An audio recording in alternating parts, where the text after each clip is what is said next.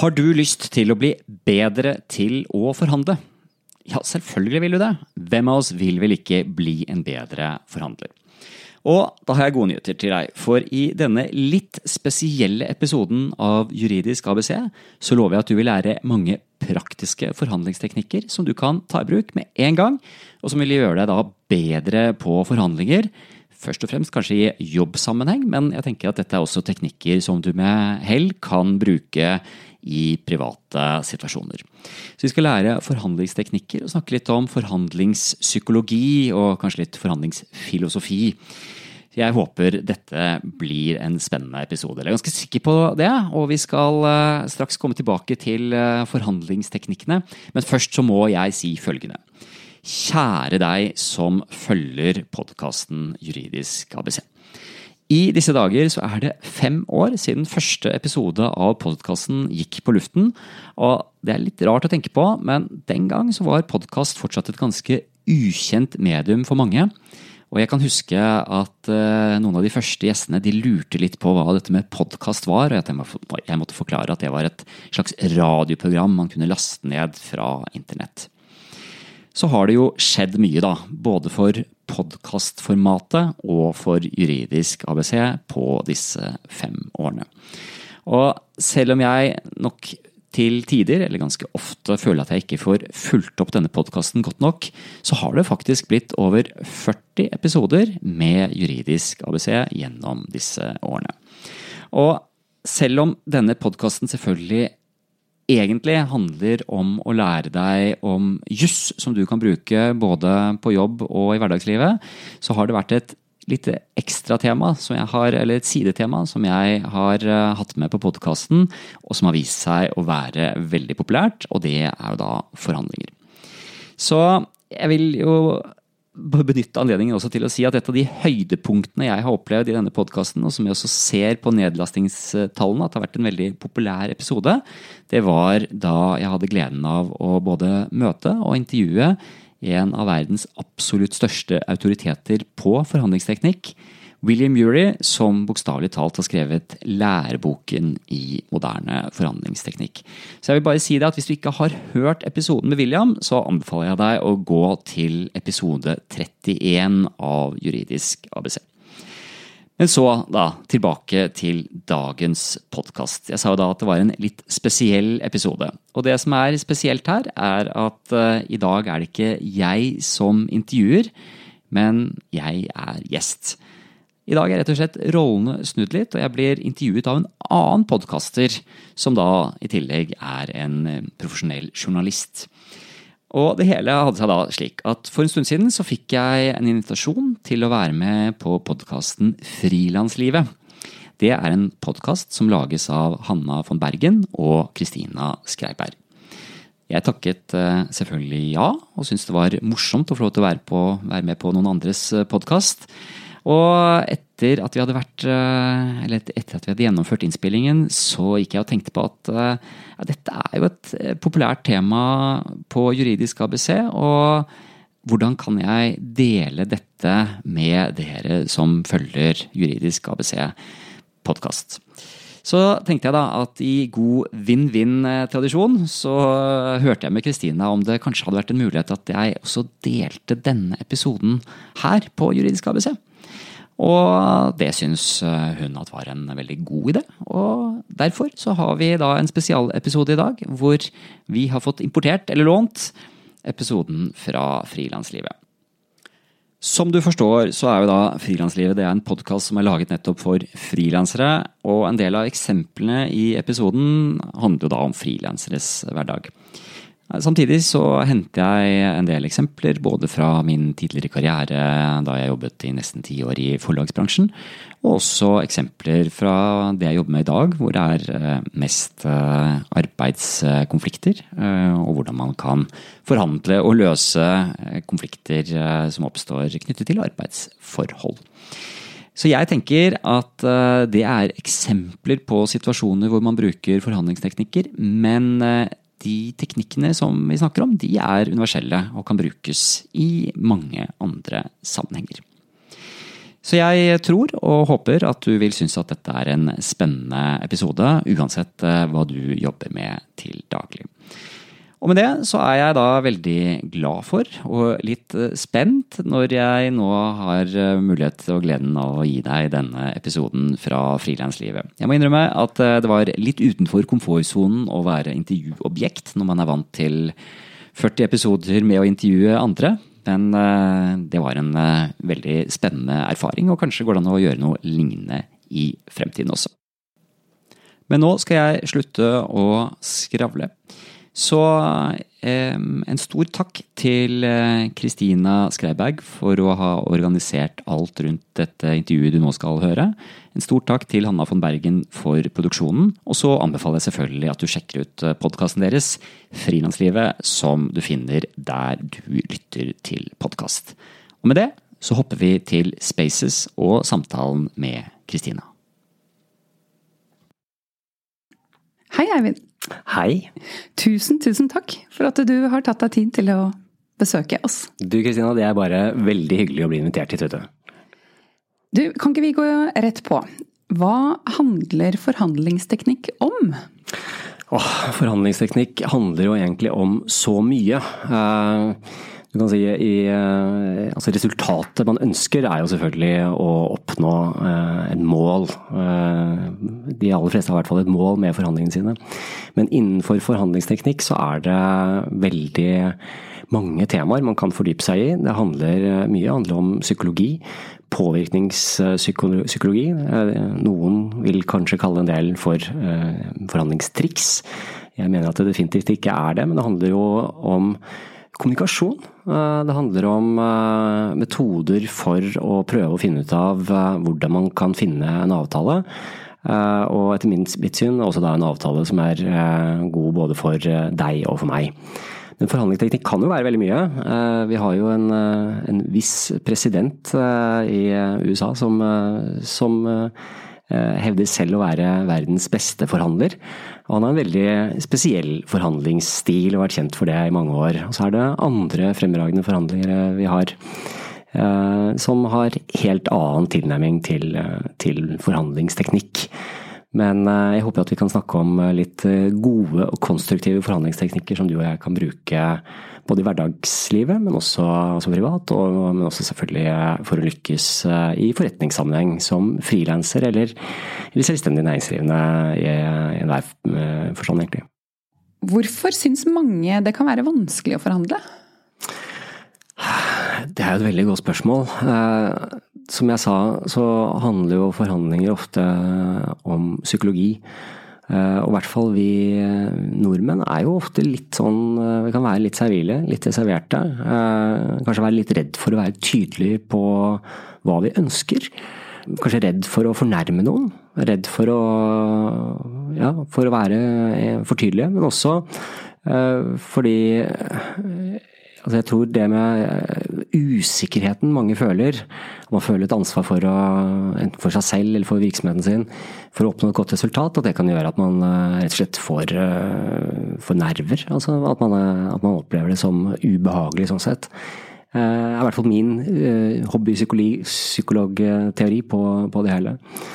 Eh, men det tenker jeg at eh, dette er jo ting man kan eh, jobbe med. Og forhåpentligvis kan vi gi noen tips nå som gjør at man kan bli tryggere i forhandling. Ja, jeg kan kjenne på at jeg kan føle meg litt vanskelig, eller kravstor. Mm. At man derfor vegrer seg for å gjøre det, selv om jeg når jeg forholder meg til andre mennesker, når de er tydelige, så syns jeg det er mye lettere mm. å forholde meg til dem. Så, men dette kommer vi helt sikkert tilbake til. Hva syns du selv er spennende med å forhandle? Jeg tenker at der man kan finne eh, gode løsninger som kanskje ikke var åpenbare da man begynte, eh, det syns jeg er veldig, veldig spennende. Ehm, men i det hele tatt, dette med å finne, finne, løsninger, det å få Altså jeg jobber mye med arbeidskonflikter. Ehm, folk som har kommet i veldig vanskelige situasjoner. og jobbet, altså jobbet mye med arbeidstakere opp gjennom årene. Nå jobber jeg stort sett bare med arbeidsgivere. Men uansett hvilket perspektiv du har på eh, oppsigelsessaker, på personalkonflikter, så er det jo ting som berører personene som er involvert veldig sterkt. Det er mye følelsesrising, og det er også økonomiske interesser. Og for mange så er disse situasjonene veldig fastlåste. Det er vanskelig å se hvordan man skal løse dem. Allikevel så har jeg utallige ganger opplevd det, at når man får satt seg ned og får forhandlet eh, på en god måte, på en konstruktiv måte, så kan man altså løse det i løpet av ganske kort tid. Eh, og da er det jo litt tilbake til psykologiaspektet her sånn, så handler jo det eh, da om å ha en strukturert prosess. Det å forberede seg på en god måte. Det å lytte til den som sitter på den andre siden av bordet. Ikke bare komme med krav eller påstander. Eh, og det Jeg tror også dette med den usikkerheten som du beskriver, som mange har det, altså Mye av det forsvinner når man begynner på en prosess, og kanskje begge parter får en fornemmelse at hvis vi fortsetter denne prosessen, så kan vi kanskje klare å finne en løsning litt lenger ned i veien. Hvilke egenskaper har en god forhandler? En god forhandler uh, vil jo litt i forlengelsen av det vi akkurat snakket om, vil jo har forstått det at vi er født med uh, to ører uh, og én munn. det er greit, en liksom huskelapp i forhandlingene. Det å lytte til den annen før man i hvert fall kommer med anklager, kan ofte være smart. Det å lytte og ikke bare liksom høre hva motparten sier, men prøve å gå liksom et steg under det. og Gå litt dypere og, og prøve å høre hva er det de egentlig mener.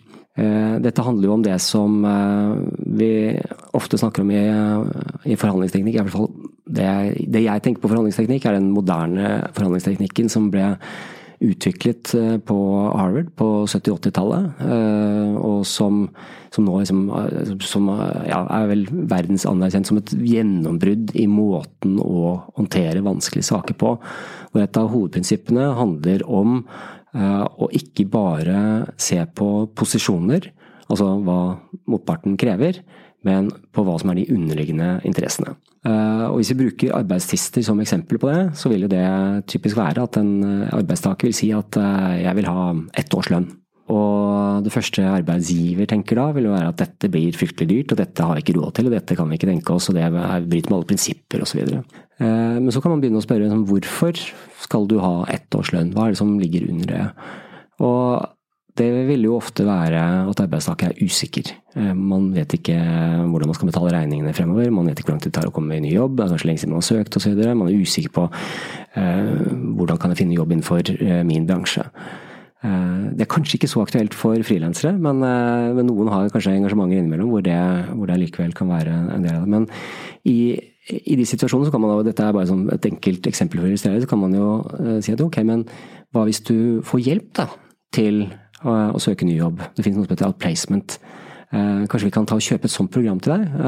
så er det en liten investering som vi kan gjøre, men som gjør at det er enklere for deg å få jobb. Da er det tryggere, da øker sannsynligheten for at du raskt kommer i jobb. Eller vi kan gi deg en lønnsgaranti. Du får ikke tolv måneder bare utbetalt, men eh, fra måned til måned hvis du fortsatt ikke får hjelp, og vi har også satt inn disse tiltakene for å hjelpe deg, og vi skriver en god attest, eh, så, så, har vi da et opplegg som skal adressere den usikkerheten som du føler. Så, sånn, sånne type tilnærminger vil eh, ofte da være bedre enn å gå rett i en skyttergravskrig og si at tolv måneder er altfor mye, men vi kan gi deg seks måneder. ikke sant? Eh, så det handler om eh, å lytte etter de underliggende interessene.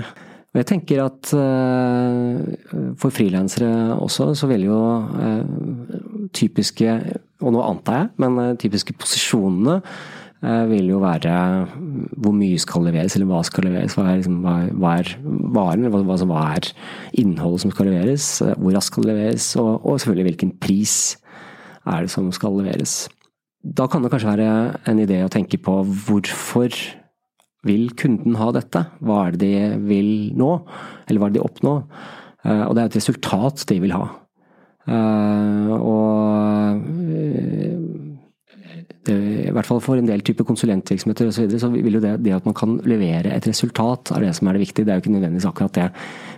Den, den innholdsmessige leveransen som er det viktige. Det resultatet man skal ha. Uh, og så kan det jo være at det er litt ulikt hva altså, av vekting av disse forskjellige delene av leveransen. Så finne ut av hva er det som er viktigst for deg. Eh, og det å ha en dialog på det, og ikke bare gå rett i en dialog på pris, vil jo ofte være, tenker jeg, da, en, en god måte å tilnærme seg den type forhandlinger. Det er et veldig godt råd. Og for meg som eh, frilansjournalist som tar eh, Altså jeg skriver og fotograferer, så forhandler jeg jo veldig ofte om hva, hva skal jeg få for denne reportasjen. Hvor jeg kanskje, kanskje skal levere en reportasje som tar meg noen uker å både skrive og eh, bildelegge. Da. Og hvis de har et budsjett som er på kanskje 20 000, mens det er altfor lite for meg, så, så tenker jeg at det kanskje kan være lurt å forhandle på omfang istedenfor pris. Eller at man får det man eh, ja, La oss si jeg får 20 000, men jeg går ned i omfang. Eh, fordi de kanskje allikevel er fornøyd med å få fem bilder istedenfor ti, eller en litt kortere artikkel, eller Så ja, man prøver å finne ut hva, hva er det egentlig de har behov for. Ja, har de behov for innhold som handler om et tema, eh, så kan det gjøres veldig kostbart, og det kan gjøres enklere. Og da bare å, tørre å si det at Eh, innenfor det budsjettet får jeg ikke levert eh, det jeg gjerne vil levere, som er så og så, så mye, men da får vi gjøre disse tilpasningene. Og være tydelig på det. Eh, og så får jo da kunden ta, ta valget om man vil øke budsjettet eller ikke, men ikke komme i en situasjon hvor du må presse mer inn i prisen fordi du er så desperat etter å, å lande den jobben. Jeg tror det er en veldig feil strategi. da. Det finnes jo veldig mange forhandlingsteknikker, men det å lage ulike pakker er jo også en veldig vanlig variant. Det brukes også mye i salg. og Du vil typisk se altså alt fra mobiltelefonabonnementer til software-løsninger. Så vil du ofte ha en sånn, sånn pristabell, hvor, hvor, mye du får. Og Da er det gjerne laget uh, tre eller fire forskjellige pakker.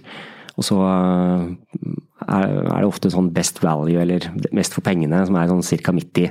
Det er fordi forskning viser at som regel så er vi, vi redd for å ta den billigste, og vi syns den dyre blir for uh, for ekstravagant, og da vil 80% velge den i midten. Men det jo det å lage ulike pakkeløsninger eh, er jo noe man kan gjøre, og det kan man definitivt gjøre. Selv om man i utgangspunktet tenker at jeg er frilanser, jeg har en timepris eller jeg har en pris per artikkel eller eh, hva det måtte være, så går det an å gjøre ting eh, enklere eller mer avansert, og lage forskjellige pakker, og bruke det i forhandlingsteknikken eh, for å få, eh, ja, altså få, få riktig betalt da, for de jobbene man har.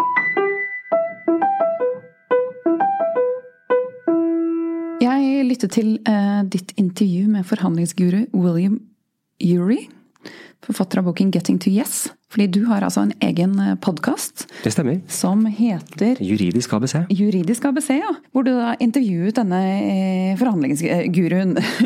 Og han snakker om å forberede seg godt før en forhandling. Hvorfor er det så viktig? Forberedelser er jo viktig uansett hva du gjør eh, her i livet, egentlig. Så det er jo Det blir jo som vi skal sette oss ned i her i dag, så har du gjort forberedelser. Eh, hvis ikke tror jeg det hadde blitt et ustrukturert, ganske dårlig intervju. Men siden du er forberedt, så eh, blir det bra. Håper det, ja. Det satser vi på. Men veldig mange tenker jo at når man skal inn i forhandling, så er det altså enten så er du den fødte forhandler. Eh, med andre ord, du trenger jo ikke å forberede deg i det hele tatt, fordi du, dette kan du sånn helt naturlig. Eller så er du dårlig på forhandlinger, og mange føler det selv. Bare tilbake på den usikkerheten. Og usikkerheten kan jo da reduseres eller fjernes gjennom å forberede seg.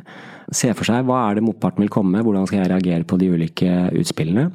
Det er jo en sånn veldig enkel ting, og det kan alle tenke seg til at det er en smart måte å forberede seg på. Men det å prøve å da igjen gå litt dypere, og jeg gjør det ofte i Eh, rettslige tvister som vi har, hvor, eh, hvor vi skal inn i litt sånn tunge forhandlinger. Eh, og så setter oss ned med et ark og lager litt sånn kolonne bortover. Hva er våre interesser? Hva er motpartens interesser? Hva er det de frykter mest? Hva er det vi frykter mest? Hva er det konkret eh, man vil oppnå? Eh, hva er det man for all del ikke vil oppnå? Bare å skrive det ned og ha det klart for seg, og begynne å jobbe med alternativer. Og igjen, det kan jo også da være at man setter sammen ulike sånn type pakkeløsningsalternativer.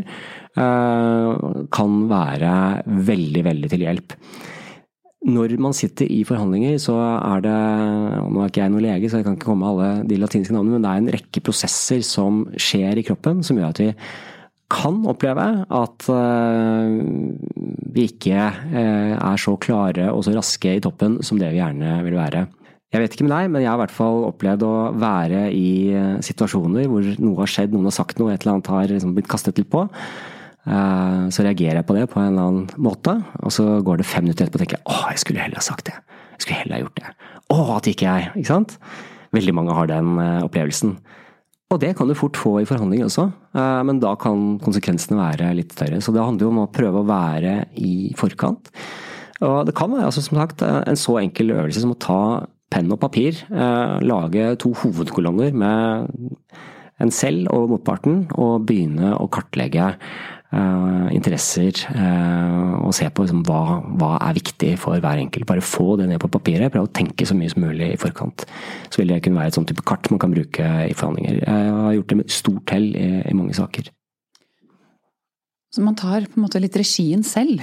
Ja, det er jo også en eh, god effekt av det. Og da er du eh, for så vidt også inne på en annen forhandlingsteknikk, veldig konkret forhandlingsteknikk, som eh, jeg syns det er grunn til å, nevne. Det handler om det med spørsmål om hvem som skal være først ute. Jeg trodde i mange år at det var kjempelurt å si minst mulig til å begynne med. Vente og se hva motparten eh, kommer med først. Høre hva de sier, sånn at man kan analysere det og komme med et mottilbud. Og Noe av teorien skal jo også være at eh, hvis du snakker i sånn kommersielle, kommersielle forhandlinger, hvor eh, vi er inne på kanskje en pris eller et krav, eller sånn, sånn type ting, så håper man og tror at motparten skal komme med et mye lavere krav enn det man har forestilt seg, eller kanskje tilby en høyere, et høyere honorar for en frilansjobb enn det man i utgangspunktet hadde trodd. man har ofte så dårlig selvtillit at man er redd for at man, hvis man starter så kommer man dårligere ut av det fordi man priser seg selv for lavt. Tror jeg mange ja. eh, gjør. Ja. Det... Så derfor holder man igjen, og så håper man, de bare, håper man på det beste. man håper på det beste, og man skal tilpasse seg eh, den andre. Det er jo noe av tanken. Og det er det gjort mye forskning på. Igjen eh, er det naturlig å se på det store arbeidet man har gjort på, på Harvard, eh, hvor hvor det er gjort ganske omfattende studier i hvem skal komme med det første tilbudet, og hvordan bør man strukturere tilbudet. Og Kortversjonen av eh, det man vet, er at eh, for det første så lønner det seg å begynne. Det er det såkalte anchoring-prinsippet. Men hvis du er først ute med å si et tall, så vil det tallet henge med i all videre forhandling. Så at eh, hvis vi eh, diskuterer uh, et honorar da, for, en, uh, for, en, jobb, og det settes og det kommer et beløp på bordet først, så vil alle videre diskusjoner vil handle om er det, liksom, er det mer eller mindre enn det utgangspunktet man hadde. Alt blir målt opp mot det. Uavhengig av om det egentlig var noe fornuft i det tallet. Det kan jo ha vært et tall som var mer eller mindre tilfeldig eh, lagt på bordet, så blir det en sånn type måleenhet. Og det betyr også at det å sette og definere utgangspunktet, det er en fordel. Hvis man kombinerer da eh, det å gå først ut med å være litt aggressiv i eh, prisingen, så vil det gjennomgående gi deg bedre resultater. Så jeg tror jo at veldig mange frilansere vil stå seg på eh, og gå ut og si at eh, jeg har de og de kvalifikasjonene, jeg har jobbet så og så mange år. Min pris er sånn og sånn, og, og begynne litt høyere enn det man kanskje i utgangspunktet føler at man er komfortabel med. Og så får man forhandle ut fra det. I stedet for å spørre hva er du villig til å betale for dette. Men hva hvis alle lærer seg dette, at man bør være den som går først? Eh, også oppdragsgiverne og Alle tar disse tipsene. Hva Dette er jo et av mange tips, hvorav eh, andre også går på det vi har snakket om, som, altså, som handler om å ha en eh, sam, samtale om interesser. ikke sant? Det å, å prøve å finne gode løsninger for begge parter. Så hvis vi ser det inn i en helhet, så tenker jeg at det likevel skal la seg ordne. Eh, men det kan jo også være andre premisser da, i denne avtalen enn en bare prisen. Det kan jo være altså, Hva rettighetene? Er dette eksklusivt innhold, eller kan du bruke det også i andre sammenhenger? Referanse tidsaspektet. Hvor fort skal det leveres? Jeg tenker at Det vil helt sikkert ha en verdi. Hvis du som frilanser kan dytte dette arbeidet innimellom de nærmeste tre månedene, så er det noe helt annet enn om du har deadline om tre dager. Det er veldig mange andre parametere enn pris også, vil jeg tro. Eh, og da kan man jo kanskje prøve å være først ute på de. Jeg lager en bok nå, og skulle hanke inn en korrekturleser og en illustratør. Og begge de to som jeg ville bruke, hadde Det, det sto ikke på prisen, for jeg betaler bra, men det sto på tiden. De, hadde, de sa nei. Og så spurte jeg hvorfor de sa nei, og det var fordi de ikke hadde tid. Og så begynte jeg å forhandle da, om hvor, hvor mye tid de trengte, hvis Og at dette kunne være Dette kunne de strekke over så og så mange uker og ta innimellom osv. Og, så og da fikk jeg begge med, de som jeg ville jobbe med. Så er det å ja, gå i dialog, da. Det... Men der gjorde du jo akkurat det man skal gjøre, og ikke bare yes! den ikke første posisjonen deres var jo veldig enkel, men også negativ. Nei, jeg har ikke tid. Hvorfor har du ikke tid? Når Eller bare nei, og så hvorfor sier du nei? Ja. Jeg har ikke tid. Er det noe okay. med meg? Ja, del vil jo tenke det at uh, det var ikke prosjektet mitt spennende nok, eller syns ikke at jeg er flink nok, eller sånn type ting. Og så er det helt andre ting, uh, og så klarer du å snu situasjonen. Da tenkte jeg at det tar meg så mye mer tid å finne en ny illustratør til dette bokprosjektet, så det er mye bedre for meg å gi henne bedre tid. Så ja, er et lite eksempel. Veldig godt eksempel. Men dette med å forberede seg, bare hoppe litt tilbake til det. Fordi det tar jo tid. Mm. Men det gjør kanskje at du sparer tid senere? Eller at du vinner, vinner tiden din tilbake? Ja, det kan jo være et klart håp om det. Ehm, man kan jo altså, Vi advokater pleier å si at vi vil jo veldig gjerne hjelpe til med å forebygge problemer fremfor å løse konflikter i etterkant. Mye handler jo om uh, avtaler uh, hvor kanskje ikke premissene var godt nok uh, avklart og kommunisert i forkant. Man skrev på et papir, men innholdet var ikke godt nok. Og det handler også om forberedelser. ikke sant? Det er en del av en forhandling, det òg. Da ville jo investeringen i forkant gjort at eh, partene kanskje fikk en bedre forventningsavklaring, som gjorde at man fant at det ikke var grunnlag for en avtale. Eller at man gjorde endringer i avtalen sånn at eh, man forebygget en senere konflikt. Eh, og da vil investeringen i forkant gjøre at du unngår et tap i etterkant. Og det er jo da noe man må anta er en god investering. Men, men også altså, enklere forhandlinger. Det å gjøre litt grunnleggende research, det det er klart at det kan veldig, veldig fort eh, betale seg. Eh, så derfor så eh, Det handler om at hvis du vil gjøre forarbeidet, så kan du få selve forhandlingen til å gå enklere og bedre og få et bedre resultat. Hvis du ikke forbereder deg, forhåpentligvis kan du i hvert fall noen teknikker som gjør at det er lettere der og da, men kan nesten garantere at resultatet ikke blir så bra som det kunne ha vært. Og det er jo mange frilansere som jobber, eh, eller har eh, åndsverk på sitt eget på det de skaper. Eh, opphavsrett. Og det er jo også noe som er, ser jeg for meg, eller og erfarer jeg, er viktig å ta i forkant. Fordi gjør du det ikke, og hvis ikke det er en del av den forhandlingen, rettigheter til arbeidet ditt, hvor lenge de kan få bruke arbeidet ditt osv., om de kan videreselge det eller ikke, det er også en del av den derre hva, hva skal det koste, og hvor mye er du villig til å gi dem? Som er lurt å forberede seg på og ta seg tid til. For i etterkant så blir det jo bare Ja, hva var det du sa? Da, da blir det problemer. Eller da Man kan forebygge problemer. Ja, definitivt. Ja. Og det er eh, Nei, det å være bevisst på rettighetene man har, er jo viktig der. Og da handler jo også gjennom Altså hva er det eh, oppdragsgiveren trenger rettigheter til? Det er jo ikke sikkert at de trenger rettigheter for evig og alltid til eh, hele dette resultatet.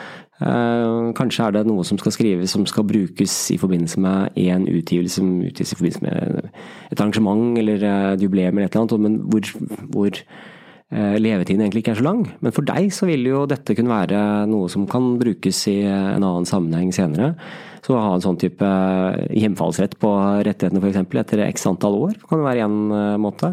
Og det kan jo også være noe, hvis, hvis pris er et, eh, et, issue, så kan jo det å beholde en større rettighetsandel kanskje være noe som gjør at det er lettere for deg å allikevel kompromisse hvis budsjettet er er begrenset. Men at du da ok, men da får, en, da får dere en, en enkel eh, lisens til å trykke dette denne ene gangen. Men så står jeg fritt til å gjenbruke. Uh, og f.eks. også selge de andre oppdragsgivere etter to år eller uh, whatever. Men bare prøve å tenke litt sånn kreativt rundt det hele. Det behøver ikke være sånn at det alltid er snakk om å selge noe, og så selger du med alle mulige eksemplarfremstillingsrettigheter bortsett fra sitatretten. Så ja, jeg tenker at her er det muligheter.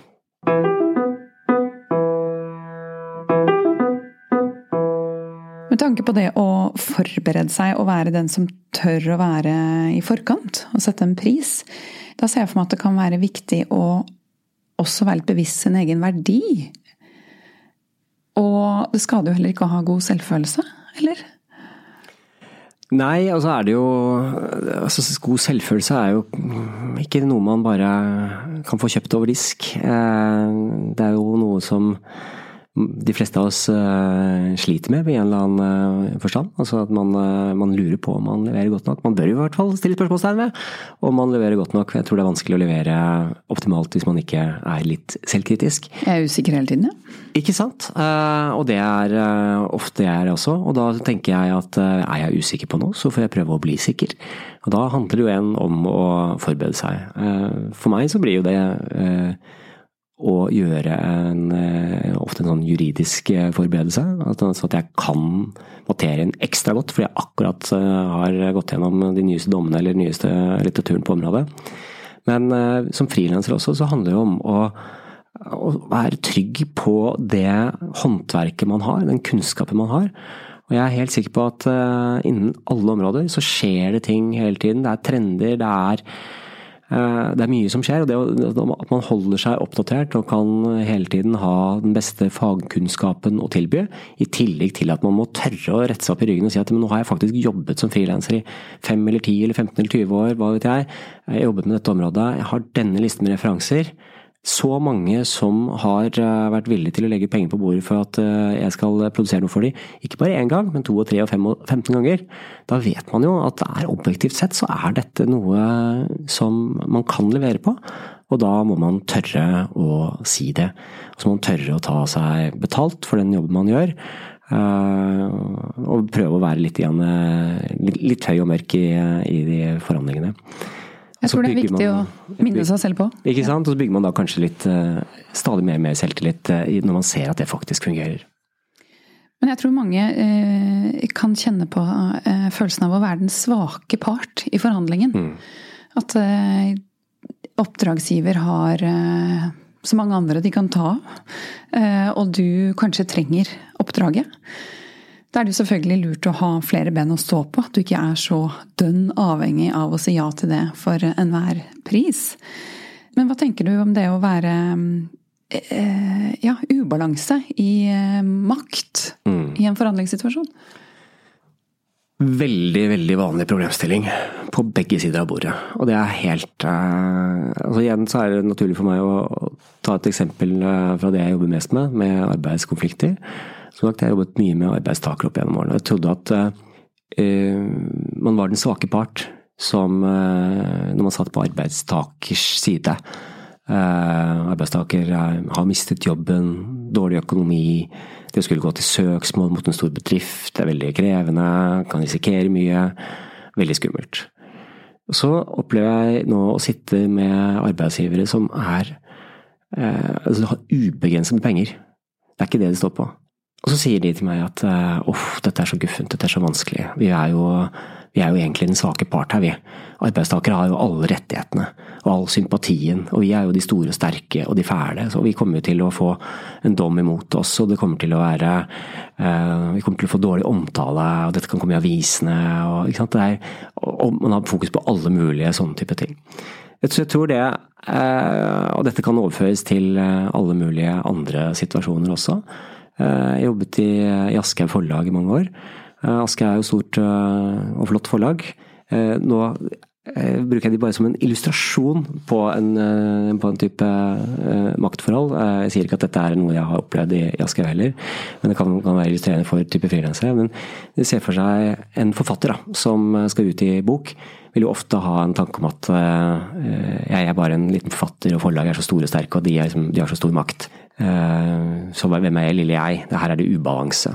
Mens forlagsredaktøren kan jo sitte og tenke Jeg har jobbet som forlagsredaktør, så dette vet jeg litt om. Jeg kan sitte og tenke at åh, der er den forfatteren. Eh, og her er det konkurranse, for det er jo, det er jo Gyldendal, og det er Cappelen, og det er, det er alle de andre forlagene. Eh, her sitter jo forfatteren og har fordelen av at han kan bare velge og vrake eh, hvilket forlag man skal bruke. Så sitter begge parter og har et eh, bilde av at man er den svake part. Eh, Det er veldig så interessant. Så er ikke det tilfellet i det hele tatt. Det var litt oppløftende. At det er også de som man anser som liksom de store konsernene, også kan sitte og kjenne på det. Ja, alle vil jo lykkes, ikke sant. Eh, om det er da eh, musikkprodusenten som ser etter den nye store artisten, eller om det er forlagsredaktøren som ser etter den store nye boken, eller eh, hvem andre det er. Eh, og mye handler også om frykt. Vi er veldig, vi er veldig redd for å feile. Redaktørene som sa nei til Harry Potter, er jo innenfor forlagsbransjen Det er jo, det er jo ikke akkurat eh, en hedersbetegnelse å være blant de. det var det titalls forskjellige forlag som sa nei til, til første Harry Potter-boken. Men frykten for å feile er veldig sterk. Eh, Og det er også mye forskning på det, at vi at eh, frykten for tap er eh, en viktigere faktor enn muligheten for en gevinst. Så veldig mye er drevet av frykt i forhandlinger. og Det er bare sånn vi er skrudd sammen som mennesker. Men hvis vi kan kjenne igjen de følelsene, så gjør det kanskje at vi da lettere kan håndtere de situasjonene som dukker opp i forhandlingene. Når man så går inn i en forhandling, er det eh, Jeg hørte deg snakke litt tidligere i podkasten din om eh, sånn Du kaller det noe annet enn det jeg kaller det nå. Eh, Jeg vil kalle det best case scenario og worst case scenario. Dere kaller det noe sånn BAFTA eller et eller annet. Ikke BAFTA, men BATNA. Eh, Batna. Er helt riktig, Kristina. Det er eh, Best Alternative to Negotiated Agreement. Det går på hva er alternativet? Hvis ikke vi får gjort en avtale nå i dag, hva er mitt beste alternativ? Og det eh, kan jo for en frilanser være eh, å jobbe med en annen kunde. Eh, og være litt bevisst på det. Eh, Men det kan også være, i min verden, så kan det være å, å gå til domstolene, f.eks. Hvis ikke vi får til en forliksavtale, så havner saken i retten. Hvor, og hvorfor skal man være opptatt av denne Batnan? Jo, det handler jo om at hvis du har god kunnskap om de alternativene som finnes, så har du en bedre forhandlingsposisjon. I, du kan se for deg type en jobbsøkerprosess, da. Eh, Så eh, noen vil jo søke type én og én stilling. Man, man liksom har fokus på noen, noen få. Man, man, eh, man vil være liksom veldig, veldig, veldig trygg på hvor man skal gå. Kanskje er det lurt å ha mange agn ute. Fordi eh, ting kan vise seg annerledes når du kommer litt videre i prosessene. Det å bygge alternativer, sånn at ikke du ikke må hoppe på den første og beste av alternativene. Eh, så det handler om å utvikle gode alternativer til en fremforhandlet løsning. Og så kan man også eh, bruke det eh, direkte i forhandlingen. Jeg kan bruke meg selv som eksempel. Jeg er partner i Bekkhus advokatfirma og var et annet advokatfirma for noen år tilbake. Jeg fant at tiden var inne for å finne et annet sted. Da hadde jeg lært mye om forhandlingsteknikk. Eh, Og selv om jeg hadde da dialog med, med et firma, så, så jobbet jeg med ulike alternativer. Jeg hadde også dialog med firmaer som jeg i utgangspunktet aldri kunne se for meg å jobbe med. Det ble heller ikke til at jeg gikk inn der sånn, men jeg fikk mye ut av prosessene. Blant annet ble det stilt en del spørsmål som gjorde at jeg tenkte ok, det er egentlig godt, det må jeg ta og jobbe litt med. Så utviklet jeg, eh, utviklet jeg alternativer, utviklet også, altså, altså mer si, kunnskap om hva de på den andre siden av bordet er mest interessert i, mest opptatt av. Fikk det fra flere kilder enn bare forhandlingsmotparten. Som gjorde at jeg til slutt kunne inngå en avtale som, som var veldig bra for oss begge, tenker jeg da. Det er, så det er, i mange sånne type tilfeller så kan man, kan man gjøre det. Ja, For hvis du ikke har noen andre alternativer, så er det jo ganske desperat. Og det lønner seg jo ikke å være i en forhandlingssituasjon. Nei, det gjør jo ikke det. Og man kan helt sikkert komme i situasjoner hvor det ikke er noe annet alternativ òg. Men, men, men, da vet man jo det, da. Så det, da vil jo det sånn sett, sånn sett, påvirke forhandlingene. Men i de aller fleste tilfeller så finnes det jo flere muligheter. Det er jo ikke sånn at hvis du ikke får dette ene oppdraget, eh, så har du ikke noe annet du kan gjøre. Jeg vil jo tro at Eh, da kan man jo f.eks. jobbe med eh, flere andre mulige oppdrag fremover. Eh, I stedet for, i stedet for, i stedet for å jobbe på det ene betalte oppdraget, så kan man heller da bruke tiden på å utvikle en rekke andre relasjoner som gjør at om litt mer tid, så får du en mye større oppdragsmengde, f.eks. Ja, for det er noe verdig over å si nei òg, hvis man ikke er fornøyd? Ja, definitivt. Og hvis man sier ja til en avtale man ikke er fornøyd med, så har man jo eh, sagt ja. Mm. Man er jo ikke tvunget til å si ja. Man kan si nei.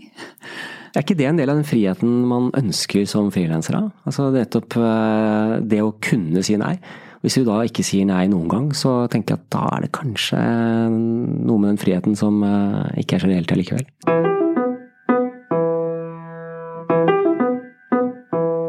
Vi snakket litt om det der å finne ut hva eh, motparten ønsker, men hvorfor er det så viktig?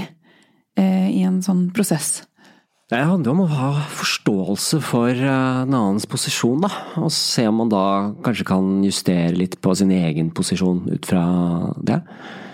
Jeg vet ikke Det blir litt sånn egne eksempler, men for en tid tilbake siden så kjøpte vi en, eh, en ny leilighet. Og da er det jo en diskusjon på pris, ikke sant så kom til et visst nivå hvor, eh, hvor utbygger var veldig steil og kunne ikke, var ikke til å rokke noe mer. Og jeg, jeg hadde jo studert forhandlingsteknikk, da, og liksom, eh, var, da ble det litt sånn take it or leave it. og Batna var jo selvfølgelig å kjøpe noe annet, eh, men så kunne man kanskje ta oss og bore litt videre.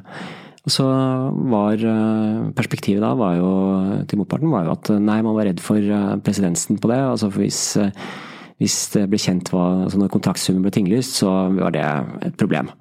Og da blir det sånn ok, men hva mer kan vi da dytte inn i dette? Uh, og da ble det blant annet Her var det jo en tilvalgsliste. Det var jo mulig til å kjøpe ekstra parkeringsplass, det var mulig til å gjøre sånne og sånne type oppgraderinger. Så da ble det å legge det inn.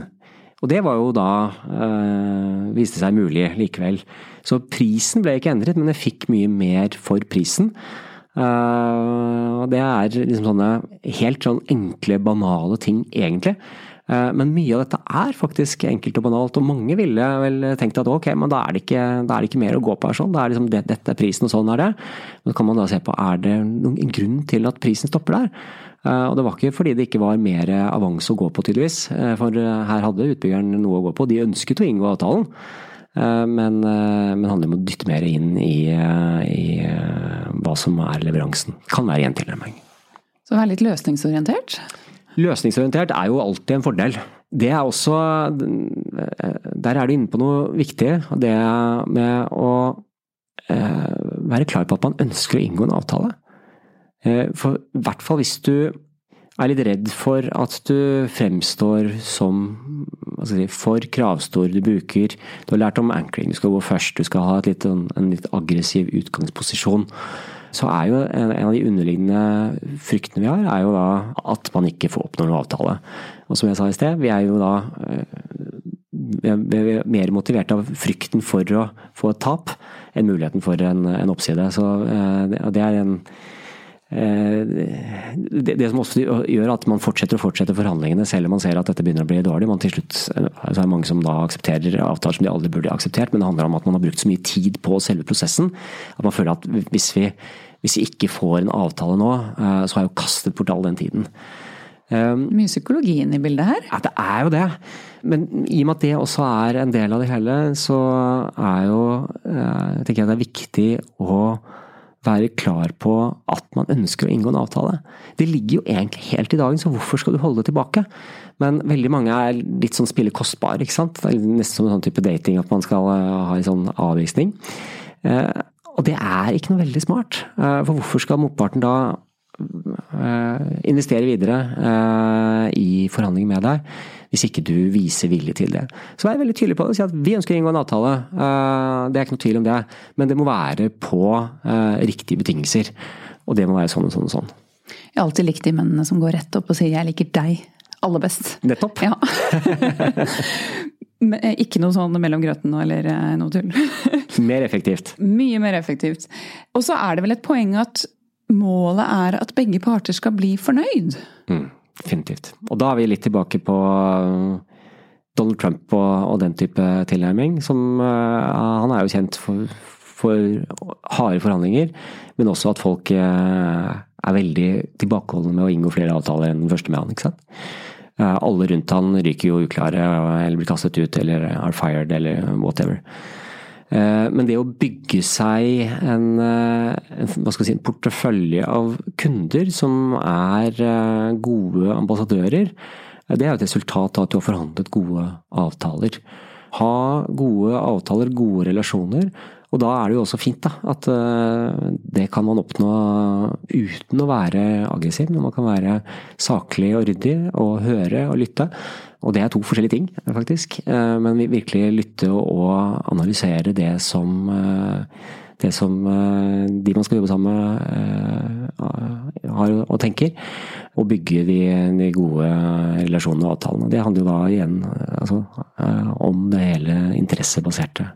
Mye av det vi snakket om nå, ser jeg for meg litt sånn lengre prosesser hvor man Altså jeg har en oppdragsgiver nå som jeg har jobbet med over et år, og da er det jo den type forhandling vi har drevet med. Snakket om hvordan samarbeid skal være, hva jeg skal få i honorar og rettigheter og alt det der. Men veldig mye av det vi frilansere holder på med, er jo hvor ting skjer veldig kjapt. Og det er små beløp, og det er fra uke til uke, og det skjer gjerne over e-post. Har du noen råd der? Når, man, når det du vil gjerne ikke bruke for mye tid og være en pain for oppdragsgiveren din. Og det skjer, ja, over e-post og ikke face to face.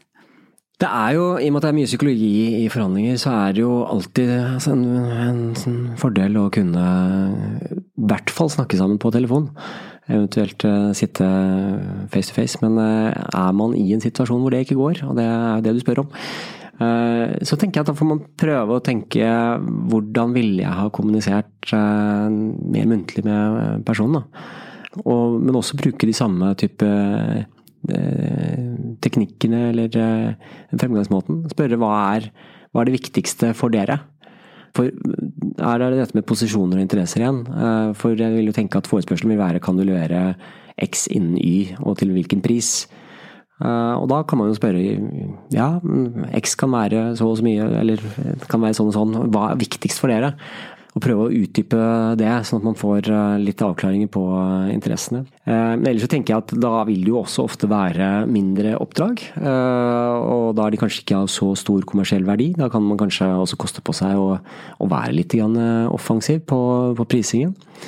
Det er et veldig sånn konkret tips til sum, altså til priser. Nå vil jeg anta at det er at de fleste tar betalt for en samlet jobb. Det er ikke timehonorar vi snakker om, vi snakker om for et resultat for en jobb. Vi kan gå ut fra det her. Ja, og da er det kanskje, jeg vet ikke om det er 5, 10, 15, 25, 100 000. Det er, det er et beløp. La oss si 20, da. La oss si 20. Og da sier du la oss si 20. Du sier ikke la oss si 21 352 kroner.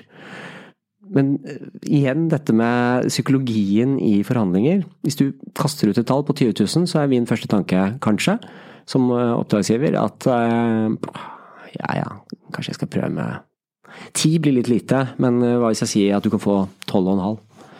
Og så er forhandlingene i gang, og så blir det kanskje den der møtes på halvveien, og kanskje blir det 15, kanskje blir det 17,5. Litt avhengig av hvor desperat man er og hva man gjør av andre typer endringer.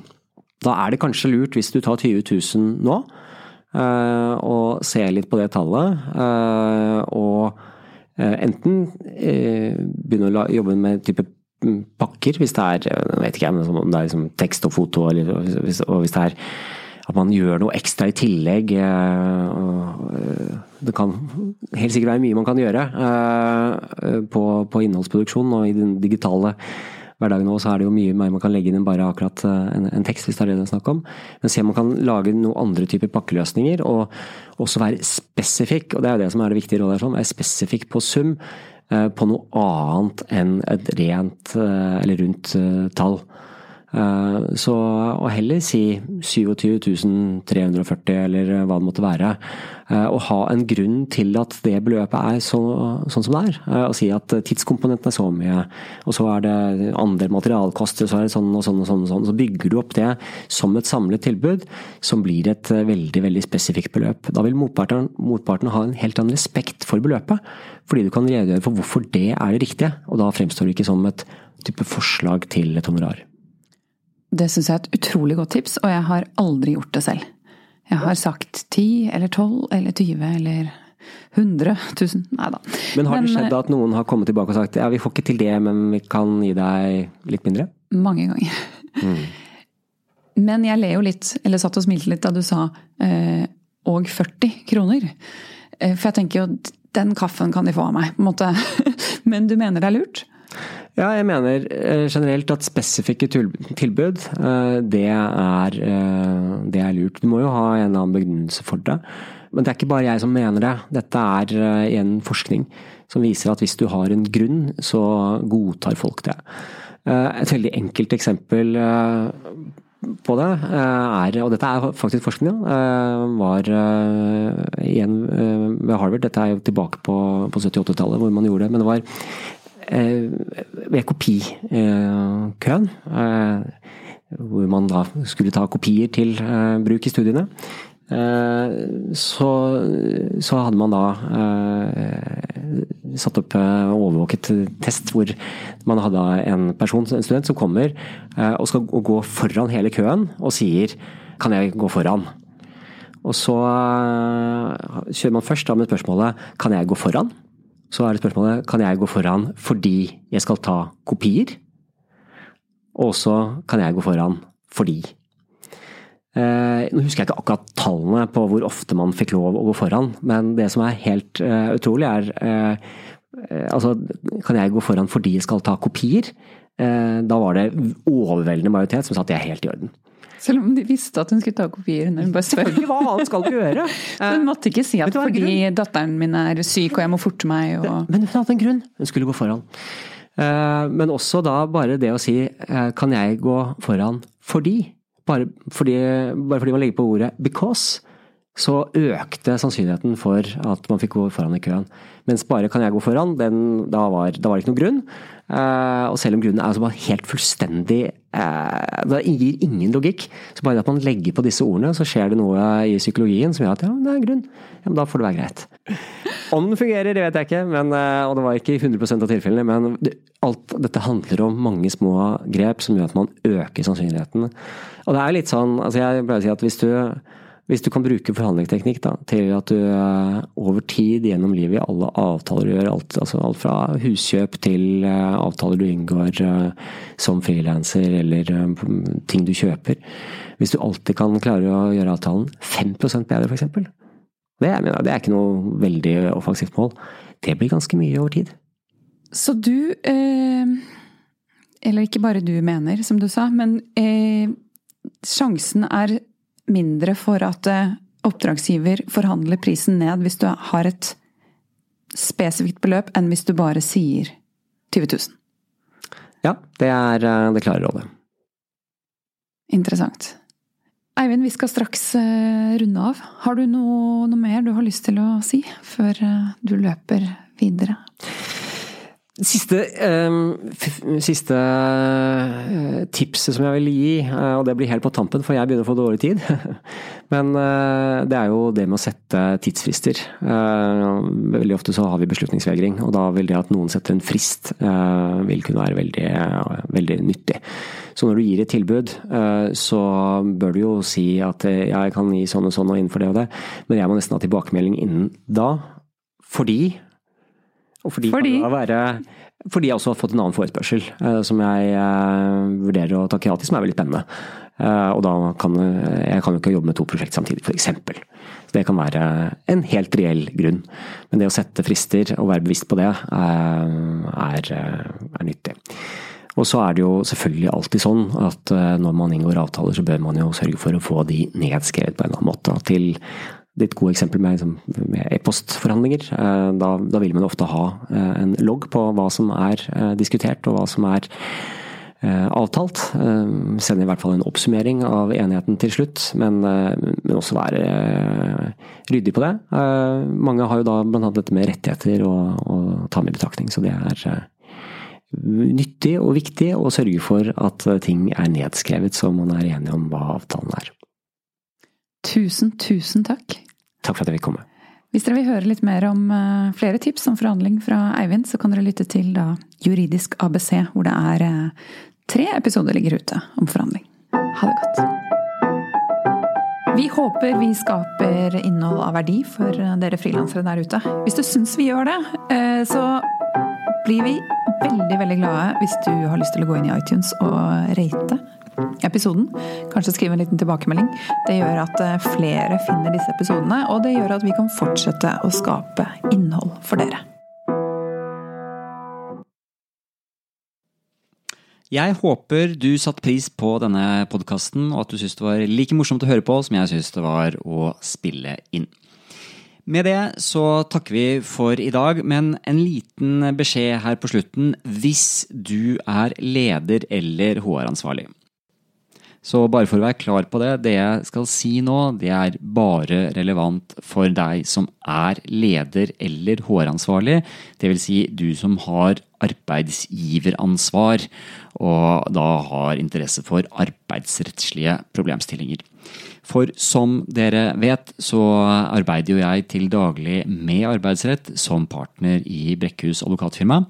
Og jeg har produsert mye innhold for arbeidsgivere, og særlig over det siste året. Og En av grunnene til at jeg ikke har kunnet bruke så mye tid på podkasten, er fordi jeg bl.a. har hatt mer enn ti webinarer om arbeidsrett. Det har vært kjempegøy, og har eh, da etter hvert blitt organisert som en egen eh, klubb for eh, deg som er arbeidsgiver. Og denne klubben fungerer da slik at uh, dere får tilgang på webinarene, på å registrere seg for informasjon om webinaret litt i forkant av det øvrige får. Og det er også flere av webinarene som har vært eksklusive og kun da for medlemmer av klubben. De som er medlem får mulighet til å sende inn eh, spørsmål på forhånd til temaet, og får eh, full tilgang på repriser fra webinarer jeg har holdt. Og også tilgang på de eh, filene jeg har brukt, altså presentasjonsfilene som jeg har brukt PDF av. Altså PDF av det kurset jeg har holdt. Så mange av webinarene har vært åpne for alle, og da kan man følge med live. Men hvis man vil ha tilgang på reprisen og tilgang på kursmateriellet, så er det da vært, eh, eller er, det det noe som er kun eksklusivt tilgjengelig for medlemmer i klubben. Så har vi også en liten Facebook-gruppe hvor eh, jeg prøver å få i gang en diskusjon knyttet til forskjellige arbeidsrettslige temaer. og Det er mulig å stille spørsmål og kanskje få noen gode innspill fra andre som også jobber som leder eller HR-ansvarlig. Hvis du vil vite mer om denne arbeidsrettsklubben, som jeg kaller det, den heter da, fulle navnet er Arbeidsrett for ledere og HR-ansvarlige, så kan du gå til juridiskabc.no klubb. Så det, er, det, vil da ta deg til en side hvor du kan fylle ut et skjema, så får du litt mer informasjon om hva dette er. Selvfølgelig helt uforpliktende å be om informasjon, så gå til juridiskabc.no klubb, så får du vite litt mer. Jeg håper det er av interesse, og at vi kan eh, fortsette å ha kontakt eh, der. Og hvis ikke, så eh, håper jeg jo at det snart blir en ny episode av Juridisk ABC podkast. Jeg håper at du har husket å Eh, abonnere på podkasten, sånn at eh, du får en ny episode automatisk levert til den appen du bruker for å høre på podkasten. Og så håper jeg jo at eh, du har husket å gi også Juridisk ABC en liten stjerne eller anmeldelse, eller gjerne fem stjerner og en anmeldelse i iTunes. Fordi, som Kristina sa i sted, det er veldig viktig for oss som driver podkast å få anmeldelser i iTunes. Det gjør at vi blir sett. Ah, med det så sier jeg tusen, tusen takk for i dag. Ha en strålende dag, og så høres vi forhåpentligvis snart. Ha det.